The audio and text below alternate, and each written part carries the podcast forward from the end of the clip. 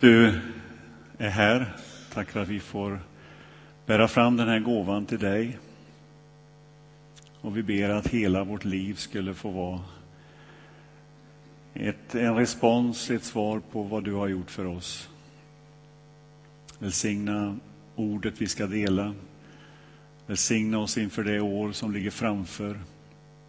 Välsigna oss, Herre, och led oss. Kom, helige Ande, och uppenbara Jesus för oss. Och vi ber, Herre, att vi ska få vara mottagliga för vad du vill säga till oss. Amen.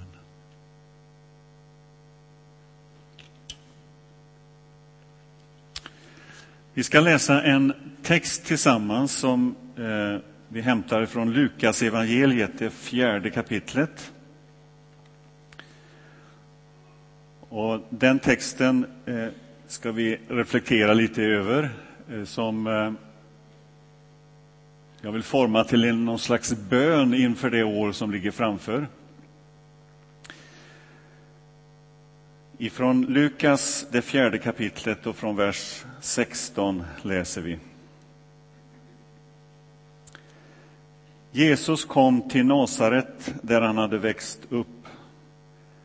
Och på sabbaten gick han till synagogan som han brukade.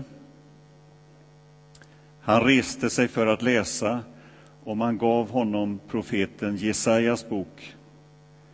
När han öppnade den fann han det ställe där det stod skrivet Herrens ande är över mig, ty han har smort mig till att frambära ett glädjebud till de fattiga. Han har sänt mig att förkunna befrielse för de fångna och syn för de blinda, att ge de förtryckta frihet och förkunna ett nådens år från Herren. Han rullade ihop boken, gav den tillbaka till tjänaren och satte sig. Alla i synagogan hade sina blickar riktade på honom. Då började han tala till dem och sa Idag har detta skriftställe gått i uppfyllelse inför er som hör mig. Alla prisade honom och häpnade över de ljuvliga ord som utgick ur hans mun. Och de frågade, är det inte Josefs son? Amen. För några år sedan så var jag med i en uppsättning utav Passionsspelen i Örebro. Och det var en föreställning som handlade om Jesu död och påskens händelser. Och jag hade fått rollen som Pilatus av någon anledning. Och det innebar att jag varje kväll skulle eh, döma Jesus till döden. Och det var ju inte någon vidare bra uppgift egentligen, men jag hade fått den och någon skulle ju göra det. Och det stod vi då, eh, och det var ju en, en ganska stor uppsättning med sångare, med musiker och många medverkande. Och eh, i den här spelet så var det en scen där jag och Kajafas hade en dialog med varandra. Och där stod vi kväll efter kväll och framförde det här och man lär ju sig vad man ska säga efter ett tag och kommer ihåg det. Men en kväll var det helt stopp. Jag hade glömt varenda ord, det var helt blankt i huvudet. Och jag stod och tittade på Kajafas och han tittade på mig och förväntansfullt och lite generad stod han där och, och väntade. Säger han ingenting snart? Och till slut så, eller jag har fått höra det eller lära mig det att om man inte kommer på vad man ska säga så säg någonting så blir det bra. Så jag riktar ögonen på Kajafas och så säger jag och här står du. Och han svarar Ja, det gör jag. Och så hittar vi våra meningar igen. Och ingen märkte någonting. Utan, men när vi kom ut utanför scenen sen efteråt så bröt vi ihop utav skratt nästan. Eh, att tappa bort sitt manus, det var det som hände. Det finns en teolog som heter Walter Bryggeman. Han har skrivit eh, en rad böcker, bland annat en bok som heter I de rotlösas land, som handlar om Israels folk under exilen. Och han talar i den här boken om att, att finna Jesus, att få tag på Jesus, att få Jesus i sitt liv, det innebär att man får ett nytt manus. Och jag tycker det är en så bra beskrivning. Att få ett nytt manus.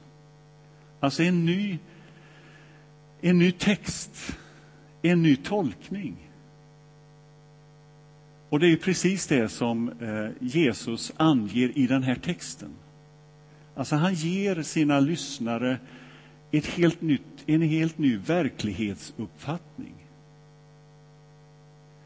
En verklighetsuppfattning som går på tvärs mot vad man tidigare hade tänkt. Och Jesus kallar ju den här verklighetsuppfattningen för Gudsriket. Eller, ja, han talar ju i liknelser om Guds rike. Han beskriver det som händer, eller det här manuset, det är Guds rikes eh, kvaliteter. Där det lilla blir stort.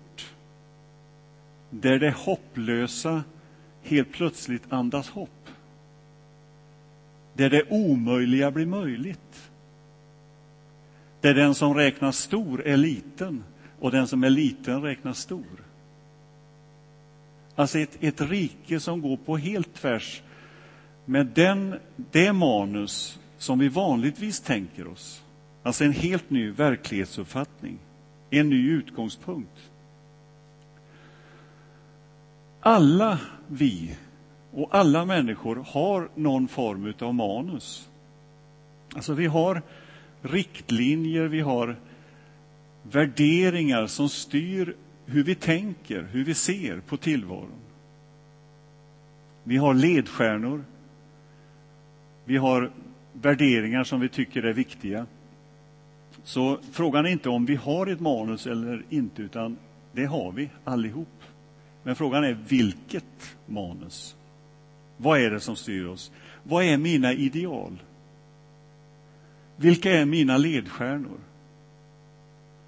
Vad är det som är, är viktigt för mig och för mitt liv? Vad är det jag bär med mig nu inför det år som ligger framför? Vad är det som jag vill prioritera? Sätta överst för mitt sätt att se på mitt liv, mina ägodelar, min tid, mitt engagemang. Vad är det som ska styra det under det år som ligger framför? Vi står ju nu på tröskeln inför ett, ett nytt år. Och det är klart att, att det kan ju framkalla de mest eh, fasansfulla ångestattacker på något sätt för många. Eh, jag gick in på, på internet idag och läste någon tidning. Och det som kommer upp först så är det ju såna här reklambilder. Och det är ju mycket reklambilder på bantningstips. Det handlar om hur man ska bli av med att sluta röka. Nicorette står det med stora bokstäver. Alltså man, man försöker att liksom locka till sig alla de som nu gör föresatser och ansatser inför det nya året. Eh, men det kan ju också innebära att på något sätt att, och, för, det är klart att för många människor så blir det någon slags prestation. Om man liksom, besvikelsen kanske blir stor när man inte klarar av det. Och en del klarar av det och, och känner att yes, det här lyckades, det gick.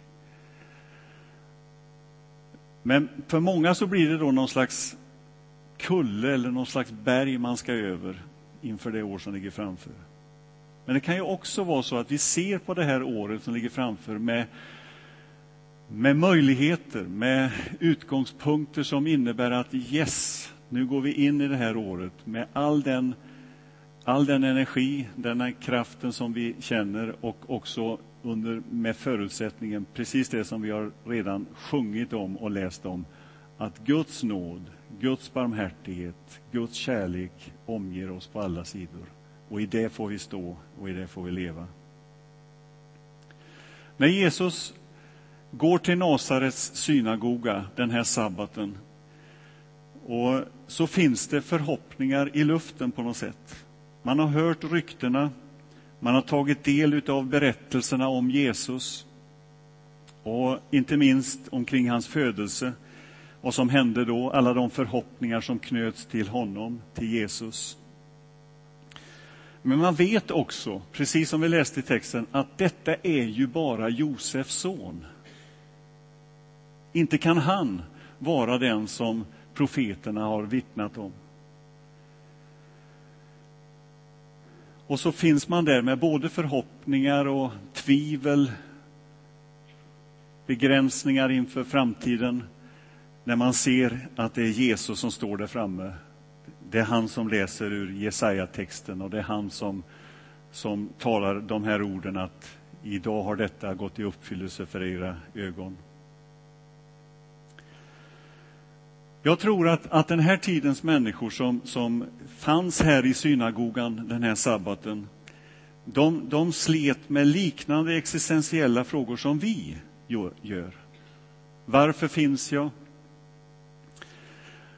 Varför är jag här? Vad är min uppgift egentligen? Det som vi drömmer om, goda relationer, en god framtid, familj, framgång och så vidare. De drömmarna, de förhoppningarna fanns också på den här tiden. Politiskt sett så var det ett förtryckt folk som satt där och lyssnade till Jesus. Ockupationsmakten, romarna, hade ett järngrepp om folket. Och de var förhatliga med sina skatter, med sina godtyckliga regler, med sina snabbrättegångar. Och drömmen fanns där tydligt om en, om en befrielse. Tänk när befriaren kommer, då ska allt förändras. Kan det vara han? Är det Josefs son eller är det Guds son? Och så har jag tänkt på, om man sätter in den här situationen i vår situation, så finns de här drömmarna hos oss också. Hur många drömmer inte i vårt samhälle om en förändring? En förändring vad det gäller de sociala klyftor som finns. Skall 2012 se bättre ut ekonomiskt än vad 2011 gjorde för, för, för många av oss? Ska vi se en förändring vad gäller segregation och integration i vårt samhälle? Ska vi se en förändring när det gäller bedömning av människor som, som söker sig till vårt land? Många där i vår närhet drömmer om en, en helt annan bedömning, en förändring i villkoren. Och så kommer Jesus in i de här sammanhangen, in i de här förväntningarna med ett ord om frihet. Frihet för de fångna. Och det är ingen tillfällighet att Jesus läser just de här orden ur Jesaja 61, som den här texten är hämtad från. Och den här delen av Jesaja, den senare delen av Jesaja, eh, den är alltså skriven till ett folk som levde just med den här undran. Ska det ske någon förändring i vår tillvaro? Har Gud glömt oss? Har Gud lämnat oss åt vårt öde? Men de här orden var också en, en ord och en beskrivning av att en befrielse närmade sig. Att då när den store befriaren kommer, då ska det ske en förändring i tillvaron. Så till de betryckta, till de förkrossade, till de fångna, till de vilsna, till de fjättrade, till de sörjande, till de modlösa, till de övergivna, till dem kommer detta bud som beskrivs i texten. Våra år ska intas av nådens år. Vår tid ska invaderas av befrielsens tid. En ny agenda, ett nytt manus finns tillgänglig för oss. En ny, ny utgångspunkt för våra liv. Jesus förkunnar frihet för de fångna. Och jag har reflekterat över det här ordet och det här begreppet som är så tydligt i den här texten. Därför att överallt i världen där evangeliet och kristendomen går fram, där förknippas det med frihet. Det är frihet man tänker på i den delen av världen där kristendomen går fram, när man, när man liksom talar om evangeliet. Vi besökte vår samarbetspartner i Kairo för ett, ett och ett halvt år sedan ungefär. Eh, församlingen där heter Kasser Eldobara och ligger ett kvarter ifrån Tahirtorget där som det är så mycket oroligt som vi har sett på tv.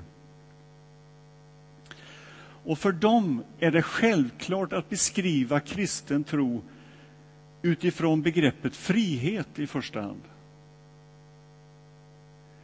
Och den församlingen och den gruppen av kristna där nere har spelat en avgörande roll i det, i det som har skett i landet det sista året.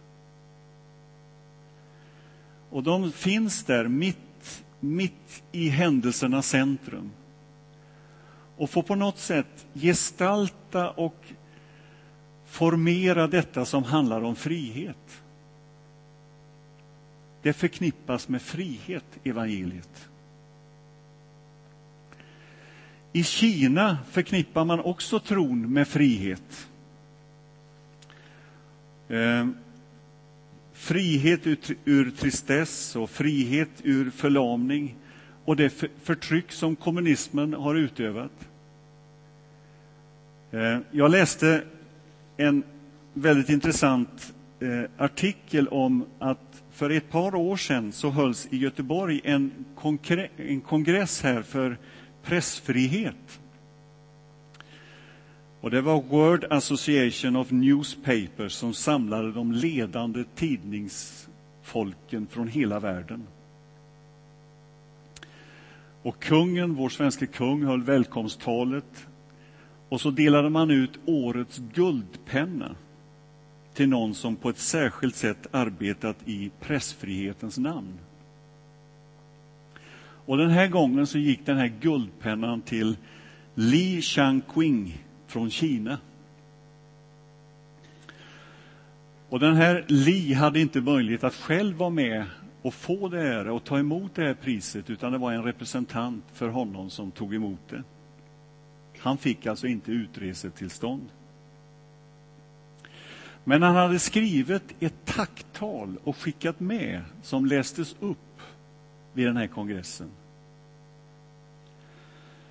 Och det här, I Dagens Nyheter så skrev man här återges Lis tacktal i sin helhet, skrev man i Dagens Nyheter. Men det var inte sant, därför att man hade utelämnat några stycken ur det här tacktalet som inte fanns med. Och det som man hade klippt bort, det löd så här. I Sydafrika skapades en kultur genom det outtröttliga arbetet av Mandela och biskop Tutu och andra visionärer som innebar att alla medborgare skulle tala sanning för att åstadkomma försoning. Idag har de länder som gått igenom en sån process tagit steget ut ur mörkret, liknande det som ägde rum på medeltiden och klivit in på vägen mot en modern civilisation. Och så kommer det. På det personliga planet hände 1992 något liknande i mitt liv. När jag var väldigt svag och levde i ett andligt mörker. Jag blev kristen tack vare medlidandet som finns hos Jesus Kristus. Han väckte mitt medvetande och hjälpte mig att börja vandra i ljuset. Han korrigerade relationen mellan min omvärld och min ande och med hjälp av en insikt som kom från ovan fick jag hjälp att ta itu med de hinder jag byggt upp för mig själv så att jag nu med ett skarpare sinne kunde se på omvärlden. Detta för att jag är övertygad om att bara sanningen kan göra oss fria. Bara med hjälp av sanningen kan vi överstiga trångsynta partipolitiska doktriner och bryta ner ideologiska barriärer. Så skrev Li Changqing i sitt tacktal där han beskriver sin egen upplevelse av mötet med evangeliet som åstadkom en stor frihet i hans liv. Han mötte sanningen som satte honom fri. Evangeliet förknippades med frihet. Jag kommer för att förkunna frihet för de fångna, sa Jesus. Är det så vi uppfattar evangeliet, att det är i första hand någonting som sätter oss fria? Och igen, överallt i världen där evangeliet går fram, där församlingar växer, där församlingar bildas, där förknippas evangeliet med frihet. Är det så hos oss? Är det så hos mig? Vad står friheten för egentligen?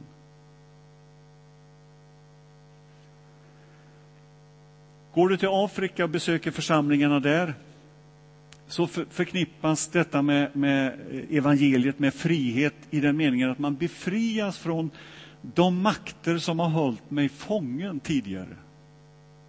Likaså i Sydamerika. Åker man till de svarta kyrkorna i USA, där jag har varit, varit några gånger, så dröjer det inte länge förrän man står där framme och, och ska försöka säga någonting som någon säger nere i salen. Halleluja, han känner mig vid namn, jag är fri.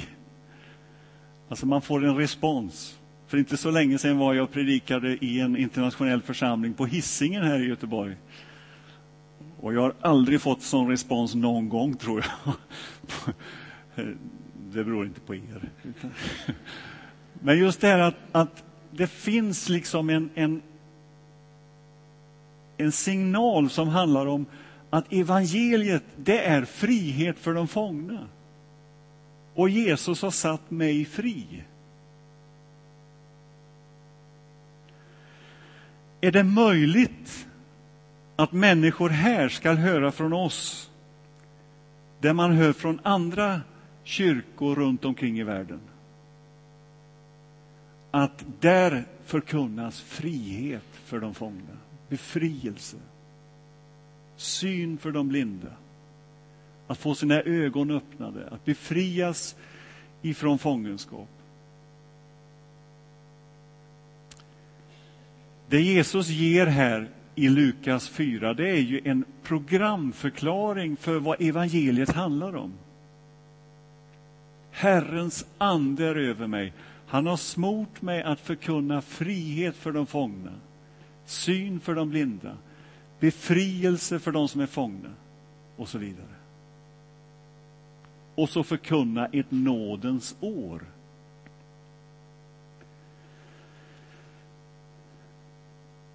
Och låt mig bara få ge några tankar omkring detta. Alltså, det är det första som förknippas med friheten, det är att det är ett nådens år.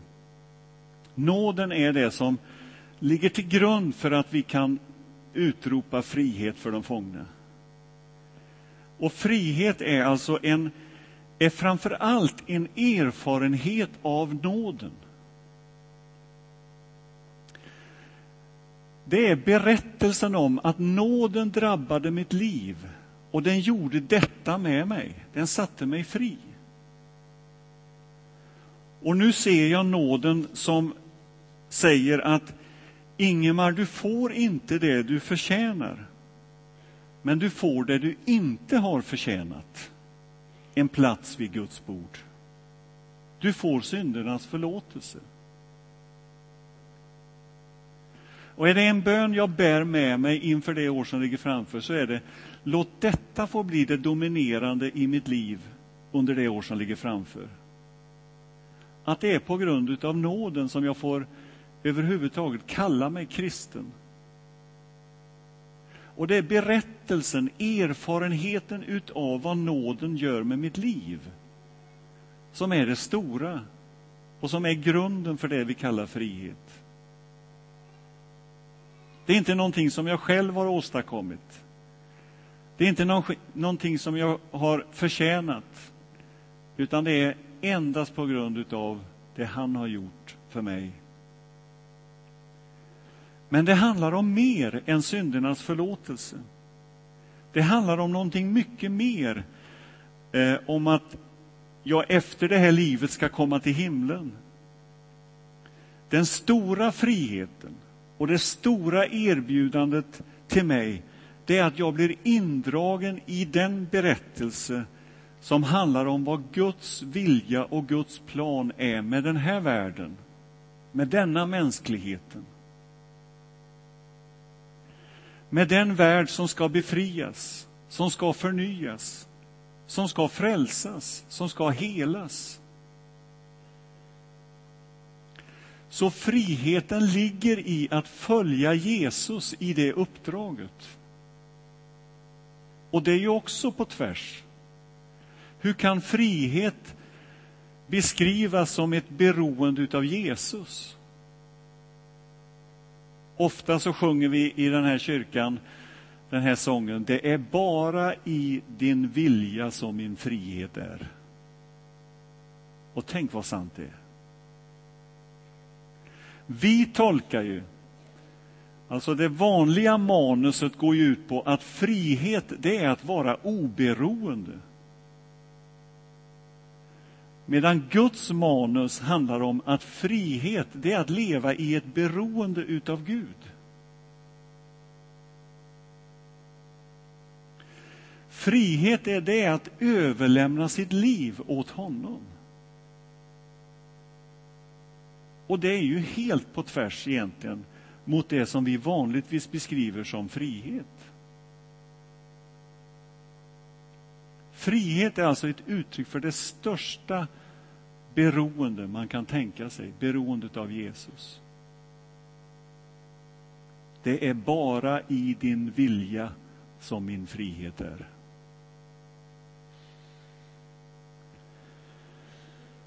Så frihet är alltså en frihet från att vara hänvisad till sig själv. Vi kan slå upp ett bibelord som jag tycker beskriver det här, som slog mig med liksom kraft häromdagen. Och det är Andra Korintierbrevet 5. Andra Korintierbrevet, det femte kapitlet.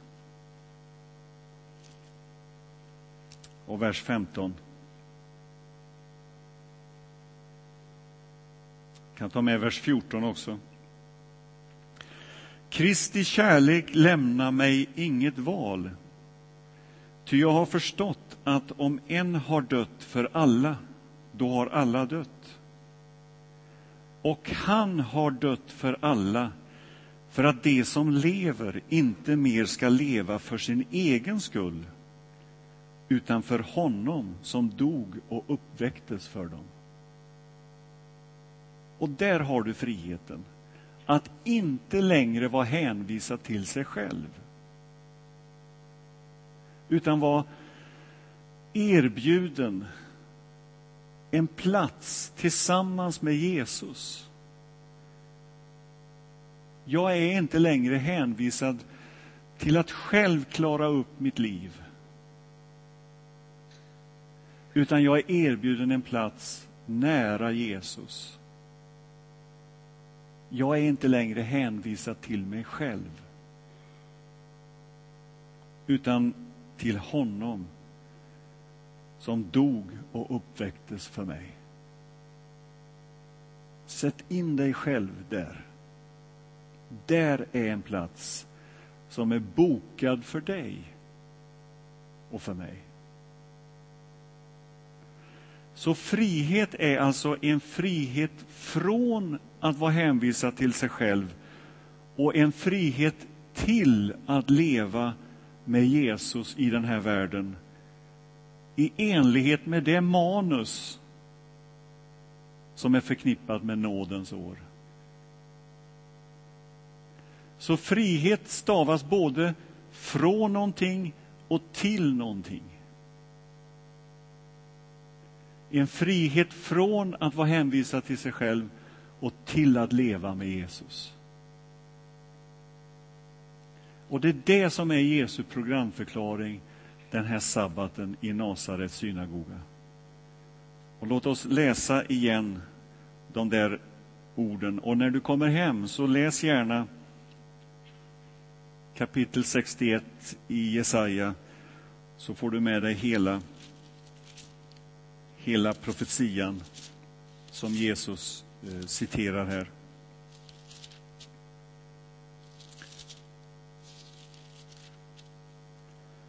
Herrens ande är över mig. Han har smort mig till att frambära ett glädjebud till de fattiga. Han har sänt mig att förkunna befrielse för de fångna och syn för de blinda och att ge de förtryckta frihet och förkunna ett nådens år från Herren. Idag går detta i uppfyllelse. Det är det erbjudandet, erbjudandet han ger oss. Amen. Låt oss be. Tack Gud att du Jesus Kristus har berett oss en plats nära dig. Tack att vi får komma tack vare din nåd och din barmhärtighet. Och vi ber att vi under det år som ligger framför ska få vara där nära dig. I detta totala beroende utav dig. Kom helige Ande, hjälparen och dra oss nära Fadern. Amen.